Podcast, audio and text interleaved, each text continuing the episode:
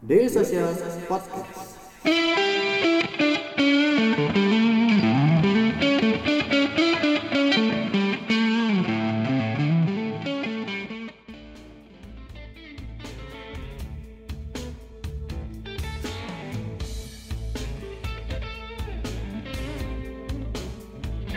Hai, selamat malam semuanya. Selasa Sarap kembali hadir dan kali ini bersama saya Yeni Yusra dan sudah ada bersama kita uh, co-founder dari Lemonilo yaitu Shinta Nur Fauzia. Hai Shinta.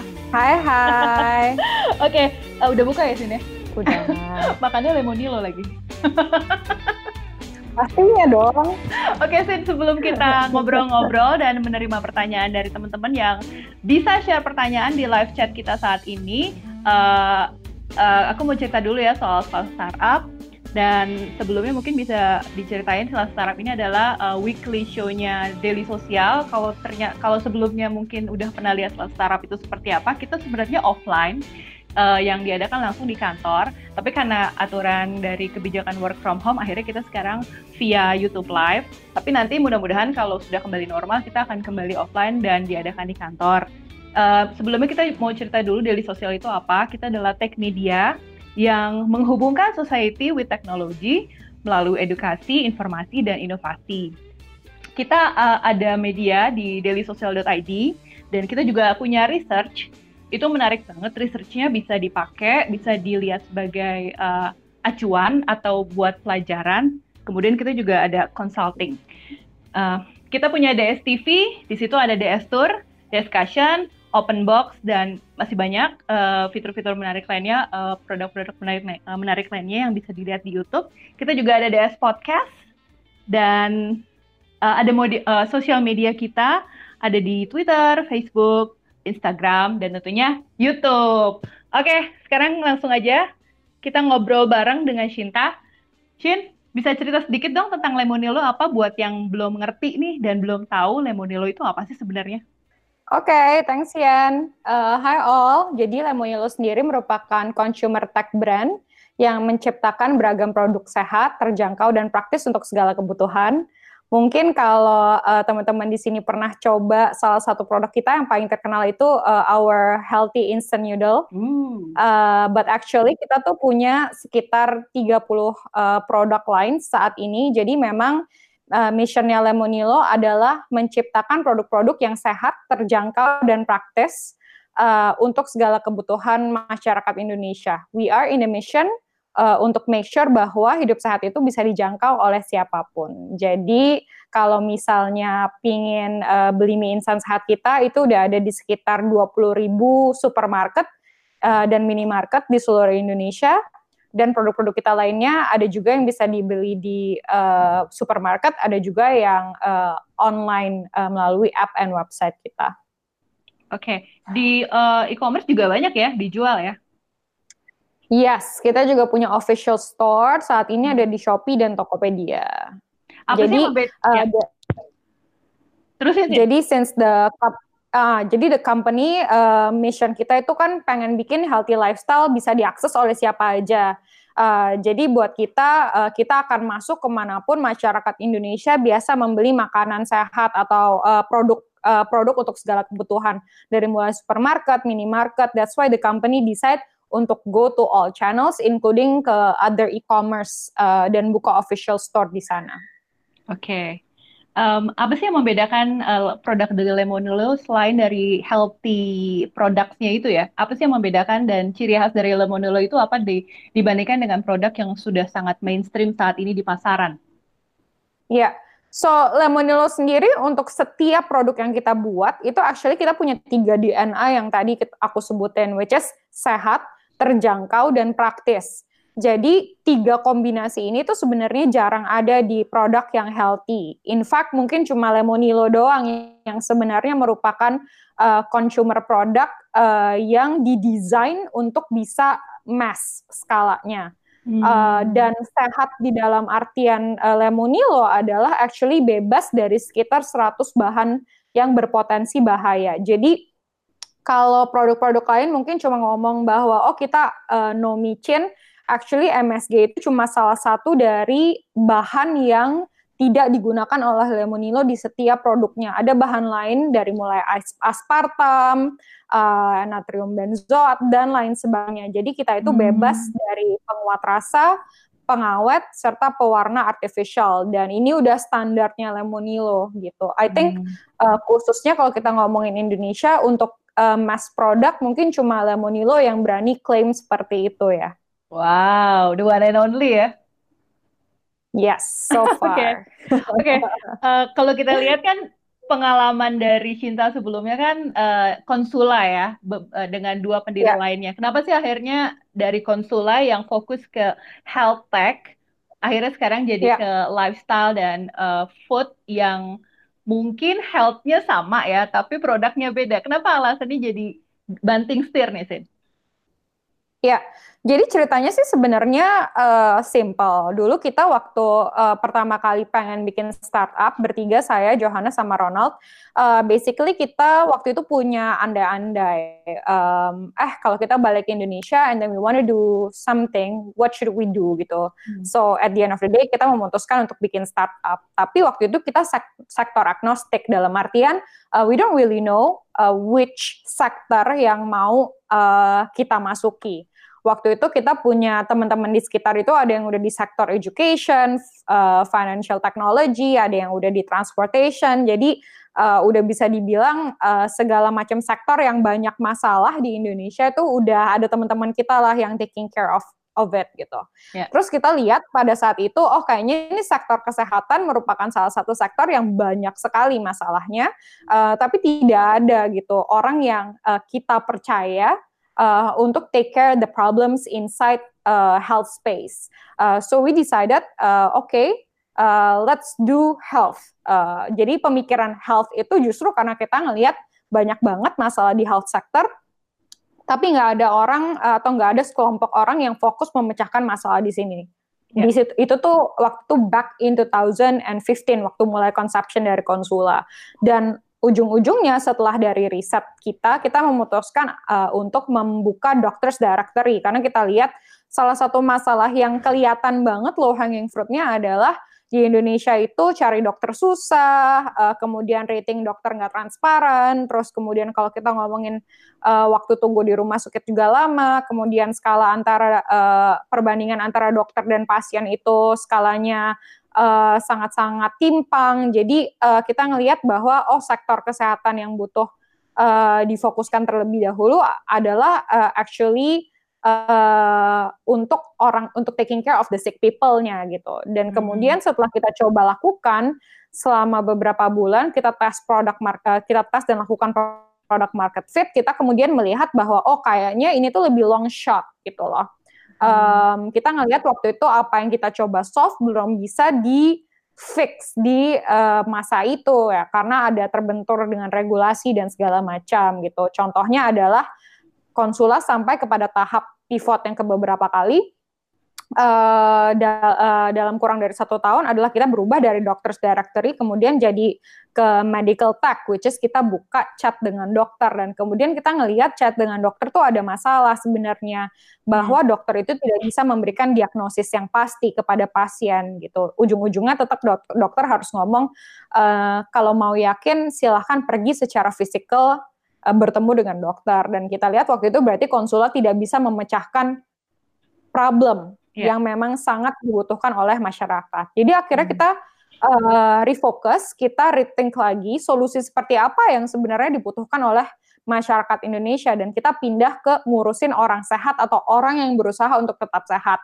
Kalau di uh, chunk of sector yang uh, ini yang ngurusin orang yang sehat, uh, sebenarnya masalahnya adalah hidup sehat itu sulit, uh -huh. kemudian mahal, dan juga orang nggak ngerti-ngerti amat hidup sehat. Padahal kalau kita lihat implikasi dari tidak sehatnya masyarakat Indonesia adalah banyak sekali masalah kesehatan yang terjadi karena decision orang Indonesia untuk tidak hidup sehat. Contohnya adalah uh, angka penyakit diabetes, penyakit jantung, kemudian hipertensi dan itu semua ada kaitannya dengan tidak sehatnya masyarakat Indonesia. Itulah ya. yang kita coba solve dengan Lemonilo.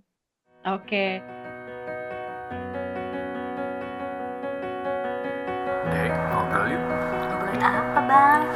Startup bareng Daily Social.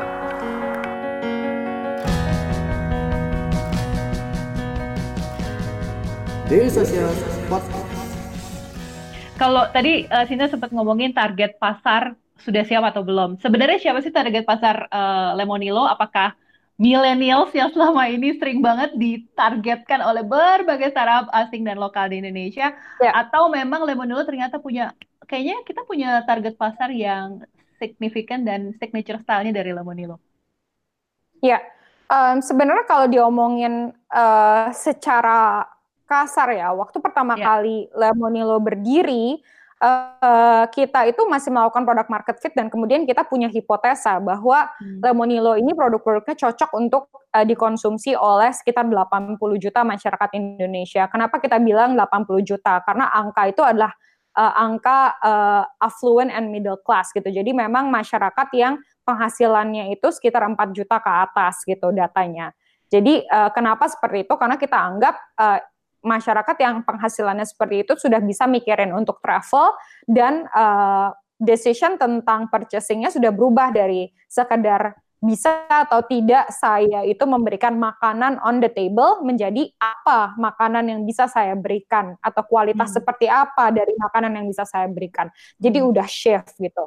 Uh, jadi dari situ angka yang kita bilang ada 80 juta. Tapi kemudian seiring dengan berjalannya Lemonilo dan masuknya kita ke pasar mass mass market produk, ternyata kita melihat konsumen kita semakin hari semakin melebar, bukan saja di kalangan yang waktu itu kita ngelihat uh, A sampai dengan C plus, tapi kemudian ada yang di kalangan C juga sudah mulai mengkonsumsi karena mungkin ternyata uh, efek dari adanya suatu mie instan yang memang benar-benar kualitasnya sangat premium tapi harganya kaki lima uh, adalah uh, masyarakat itu nyaman untuk memberikan sampai ke anak yang uh, anak yang uh, umurnya sekitar satu tahun gitu loh. Yeah. Jadi uh, akhirnya banyak dari konsumen-konsumen kami adalah orang tua hmm. uh, yang memberikan kepada anaknya gitu. Jadi kalau oh. misalnya Yeni tahu, iya kalau Yeni tahu sebenarnya orang tua itu istilahnya apa pun buat anak kaki yeah. di kepala, kepala di kaki. Jadi orang orang-orang yang saya bilang itu, aku bilang itu uh, adalah masyarakat yang enggak cuma C bahkan yang uh, lebih di bawah itu adalah dia hmm. at least berusaha memberikan yang terbaik untuk anaknya dan itu dimulai hidayat itu dimulai dengan mie instan Lemonilo. Jadi mie instan Lemonilo sekarang menjadi bridge bagi masyarakat Indonesia untuk masuk ke dalam ekosistem hidup sehat kalau kita ngomong edukasi pasar, semua produk baru tentunya memerlukan edukasi untuk market ya. Uh, mungkin ya. uh, Shinta bisa di-share uh, step-stepnya seperti apa sih? Apakah smooth langsung naik ke atas atau ada beberapa bump along the way gitu ketika melakukan edukasi kepada target pasar? Oke, jadi um, yang namanya education itu nggak ada yang sekali tembak terus langsung uh, Kena, gitu jadi ya? gitu ya. uh, namanya education itu butuh sesuatu yang sifatnya konsisten terus menerus. Itu juga yang dilakukan oleh Lemonilo gitu. Jadi kami selalu berusaha menceritakan tentang pentingnya hidup sehat dengan gaya bahasa dan bungkus yang mudah gitu untuk diterima oleh masyarakat. Karena memang harus kita pahami bahwa masyarakat Indonesia itu nggak suka sesuatu yang susah Yeah. Kita bukan masyarakat yang literasinya itu bagus. Kita nggak terlalu suka baca gitu ya masyarakat yeah. Indonesia. Jadi semua hmm. yang kami tampilkan yang sifatnya education itu sebenarnya adalah hal-hal yang gampang gitu.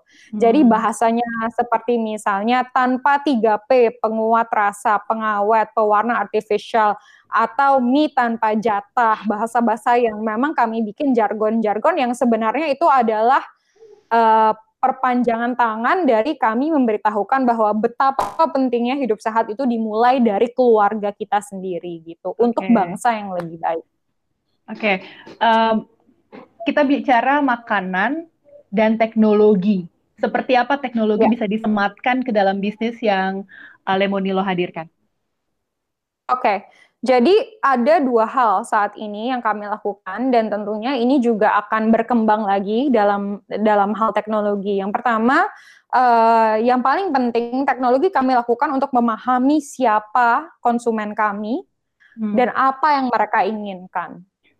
Gitu. Jadi uh, sekarang ini setiap kali uh, kami mengeluarkan produk, kami pasti uh, launch-nya itu online dan kemudian user-user kami kami kirimkan survei gitu untuk memberitahukan apakah produk yang kami launch ini sudah sesuai dan apakah okay. produk ini mungkin perlu uh, perlu dilakukan perbaikan. Jadi mungkin Lemonilo dalam hal uh, mencoba mengenali konsumen, uh, consumer merupakan satu-satu satu-satunya consumer brand yang melakukan itu.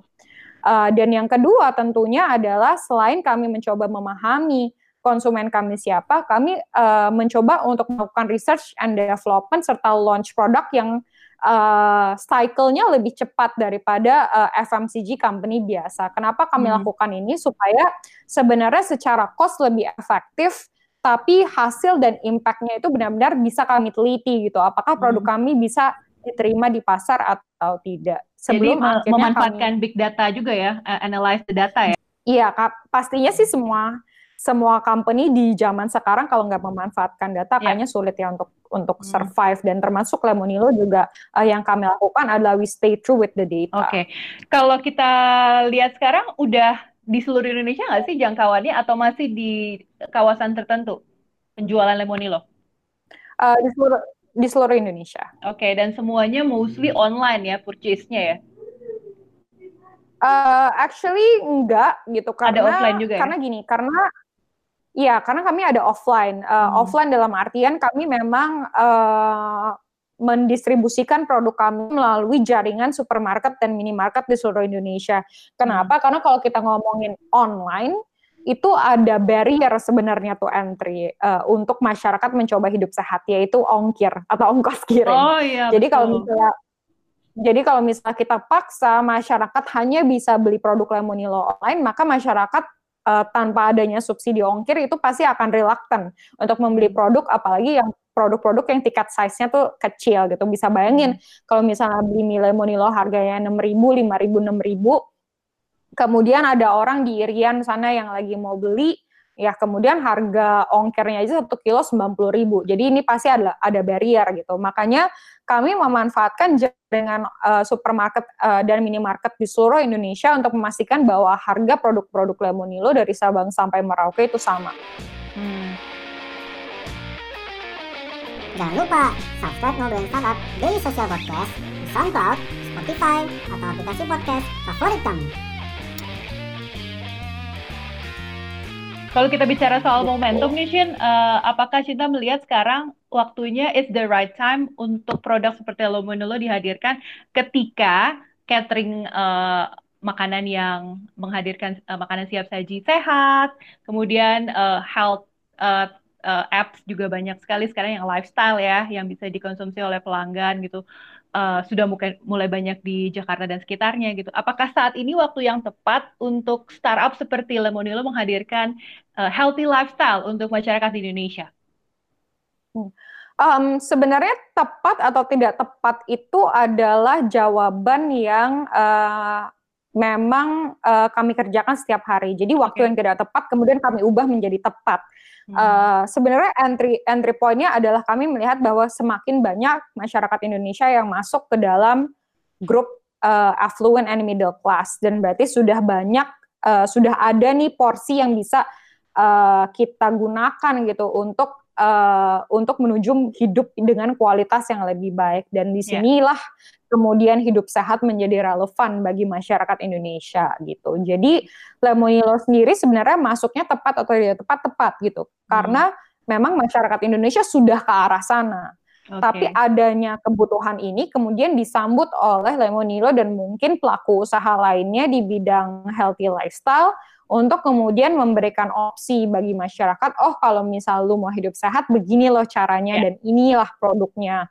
Uh, tapi bisa dibilang kalau untuk company yang men, uh, yang memang membuat produk-produk yang tidak hanya sehat, tapi juga praktis dan kemudian bisa dijangkau hmm. harganya, itu mungkin adalah Lemonilo. Karena Lemonilo itu nggak pernah bikin catering karena kita anggap untuk kami catering hmm. itu bukan sesuatu yang uh, praktis gitu dalam artian okay. catering itu ada shelf life-nya sangat hmm. pendek.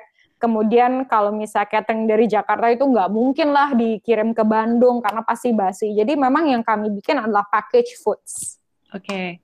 uh, bicara soal investasi nih Shin, tahun 2018 terakhir Lemonilo mendapatkan uh, funding dari Alpha JWC dan Unifam Capital ya kalau nggak salah ya. Sampai saat ini mungkin masih proses atau masih fokus ke bisnis. Kalau misalnya Shinta bisa share, uh, seperti apa sih tips dan trik untuk menarik perhatian investor nih untuk bisa berinvestasi di startup yang fokus menghadirkan uh, healthy food seperti Lemonilo. Mungkin teman-teman yang lucu juga nih bikin startup seperti Lemonilo, mm-hmm. tapi mungkin dengan produk yang gitu ya. How to attract, how to make sure the uh, investor itu oke, okay, lucu juga nih kalau misalnya di invest. Apa sih tipsnya? Um, actually tips untuk mendapatkan investment sebenarnya nggak cuma untuk uh, pelaku-pelaku bisnis yang uh, bergerak di hidup sehat juga nih okay. tapi uh, untuk uh, bisnis in general sih sebenarnya. Hmm. Kalau mau mendapatkan investasi yang pasti perlu dilakukan adalah tergantung stage-nya di mana gitu ya. Kalau kita ngomongin stage-nya adalah seed, yang dilihat adalah profil dari foundernya. Jadi oh. lebih uh, lebih uh, bagaimana caranya kita meyakinkan. Ini kalau seed stage ya, bagaimana yeah. kita meyakinkan bahwa profil founder-founder dari company kalian itu memang uh, oke okay banget nih untuk diinvest. Okay. Tapi kemudian berbeda lagi untuk untuk seat selanjutnya, misalnya hmm. series A. Kalau series A dan apalagi series-series berikutnya, uh, atau kalau kita ngomongin series A yang dilakukan, yang dilihat adalah apakah produk yang kita tawarkan itu sudah sudah sudah mencapai uh, produk market fit atau sudah terlihat hmm. penerimaan pasarnya yang dibuktikan dengan revenue, hmm. gitu. Memang ada beberapa company yang bisa uh, melakukan series A tapi stage-nya masih pre-revenue itu juga ada. Tapi kemudian uh, path to profitability-nya tuh memang jelas gitu. Apalagi kalau sudah di series B dan uh, series ke atasnya lagi, uh, pasti yang dilihat sih benar-benar revenue, kemudian scaling up. Jadi beda stage, beda gitu cara meyakinkan uh, investornya. Oke, okay. um, sekarang kan kita sedang dilanda pandemi nih ya, uh, dan sudah berkepanjangan nih. Berpengaruh nggak sih pada bisnis Lamonilo? Apakah perubahan dari uh, proses atau mungkin kebijakan yang diambil atau tidak ada perubahan sama sekali? Oke, okay. sebenarnya perubahan dalam hal uh, internal ya, the way we do business uh, selama COVID ini sudah pasti berubah karena yang tadinya kami biasa ke kantor kemudian uh, harus work from home. Hmm. Nah, tapi kemudian WFH ini sebenarnya adalah sesuatu yang natural di Lemonilo karena uh, kita ada divisi uh, banyak tapi divisi kecuali divisi offline. Kalau divisi offline itu memang uh, masuk ke kantor tapi dengan tentunya menjaga uh, personal hygiene dan juga physical distancing. Jadi kok kantor itu notabene kosong gitu. Jadi walaupun hmm. masuk memang jaraknya sangat-sangat jauh. Tapi untuk tim-tim yang lain memang uh, untuk kerja work from home bisa dibilang sesuatu yang natural karena everything uh, itu memang sudah didesain supaya orang itu bisa kerja dengan mobile gitu. Jadi tips saya untuk uh, teman-teman yang memang baru membangun company adalah remember bahwa this is gonna be our new normal. Jadi kalau bikin bisnis jangan yang harus semua orang tuh harus ketemu tumplak di dalam satu ruangan karena mungkin it's okay. never gonna happen especially in today's life. Oke, okay. tapi penjualan selama pandemi ini cukup naik nggak sih? Uh, orang-orang kan jadi lebih sering belanja online nih. Ada pengaruhnya nggak untuk sales dari Lemonilo? Ya begitulah, mungkin yang sudah bisa diprediksi ya kalau itu ya. Uh, ya, kan uh, karena kami masuknya uh, produk-produk kami lebih sifatnya seperti package foods, jadi yeah.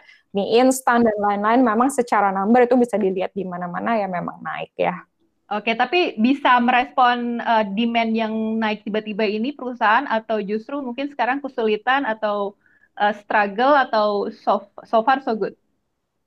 Uh, memang ada beberapa week di mana uh, ada beberapa produk kami yang sold out dan itu adalah oh, wow. cerminan dari the demand is actually more than what we can supply. Tapi setiap hal itu terjadi pasti kami akan berusaha mengejar uh, si kekurangan dari uh, demand tersebut gitu.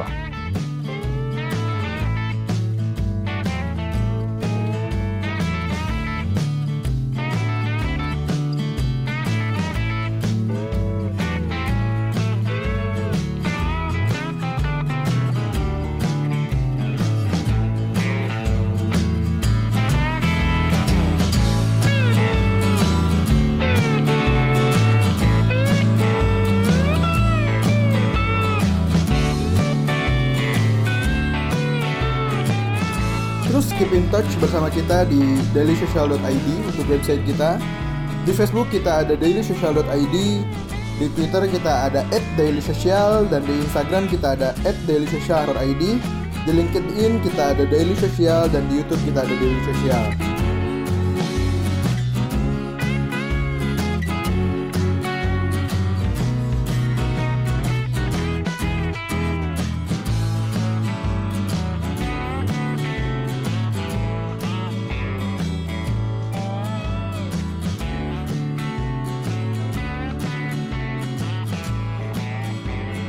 Daily Social